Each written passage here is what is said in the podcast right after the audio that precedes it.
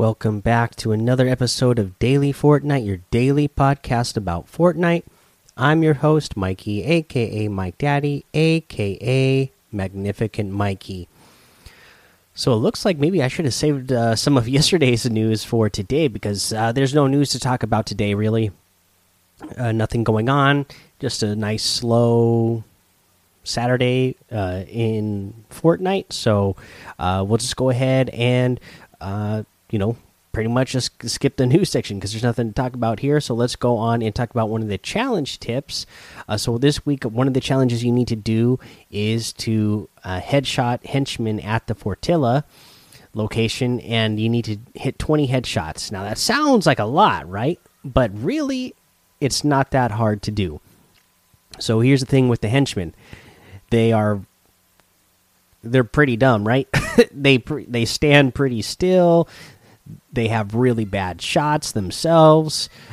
Pretty easy to to down these guys, and it's pretty easy to get headshots on these guys. Now, here's a problem that you could run into. I myself got this done in a single game, but I could see how you you might mess this up and not get it done in single game. It might take you multiple games to get it done. So what you want to do is obviously land all headshots when you down them, but when the play when the henchman is down, you can still shoot them more for more headshots while they're while they're down and out. So run up to them and shoot them more in the head, so that uh, you get more headshots for the uh, for uh, credit towards the challenge. Now here's the other thing: you might think, hey, I have this cool shotgun. I'm going to go ahead and uh, shotgun these guys. Well, you're going to also eliminate them a lot faster. So you won't get as many headshots. If you have an SMG or a pistol, use the SMG or the pistol to get your headshots in because they deal less damage, allowing you to get more headshots in. Even when they're down and out, you can still get like three or four headshots in uh, while they're down. Uh, before you before they're fully eliminated, getting you a bunch more headshots before they're out. So uh, you'll you'll be able to get to twenty headshots. Uh, you know, if you hit all headshots while they're standing up, and then all headshots while after you've knocked them down, it's only going to take you maybe like three henchmen uh, to to hit the hit the twenty mark. So make sure you use in weapons that aren't going to uh, eliminate them in one shot or two shots, and uh, you know uh, make sure you're, you're, aiming for that head. Uh, but it's a pretty easy challenge to get done. This this week's challenges they were all pretty easy. I got them done in about a half hour, just a little bit over half hour. Uh, you know, I got them all done. So I bet I bet a lot of you listening, uh, you know, throughout the week for these challenges, I bet you a lot. I bet a lot of you already have all these challenges done as well. Uh, but we'll still go over some tips for them throughout the rest of the week.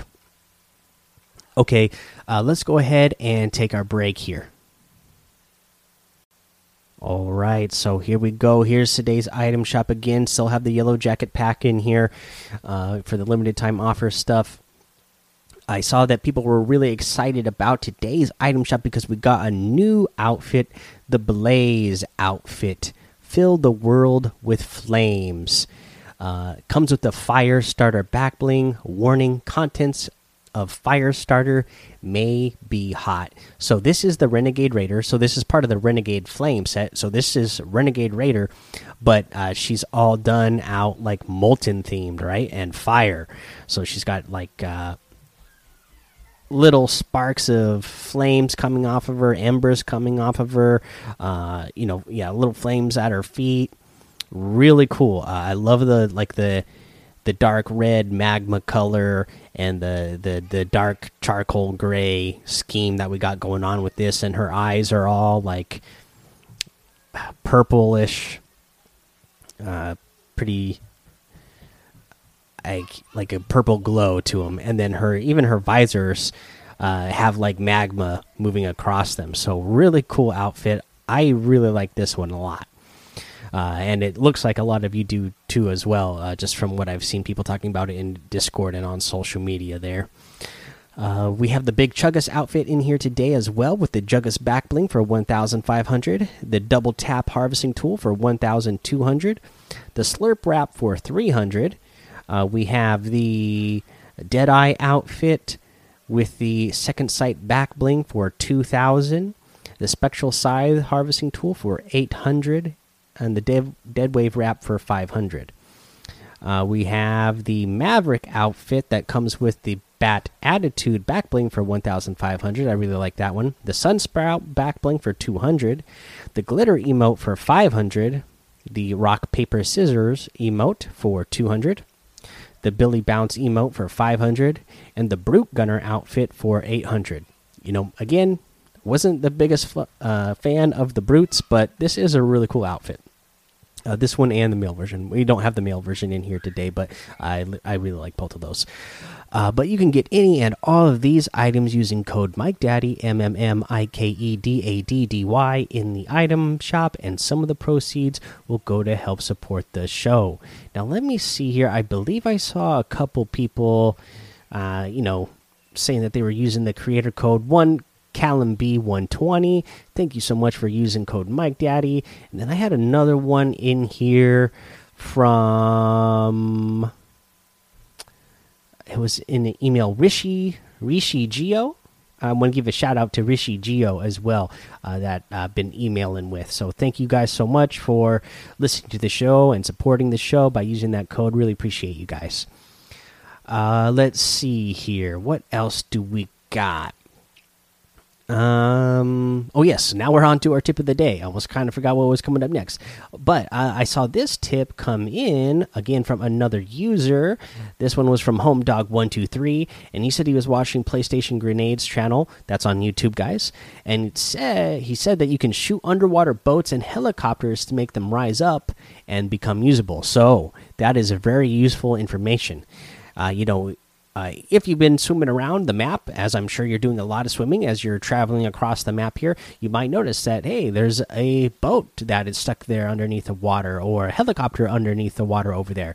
Turns out, uh, as Home Dog 123 said here, you can shoot them and then they will uh, become unstuck and float up to the top of the water so that you can use them. So that's, uh, you know, again, another really useful way to get uh, more mobility in the game when, uh, you know, if you're really needing it.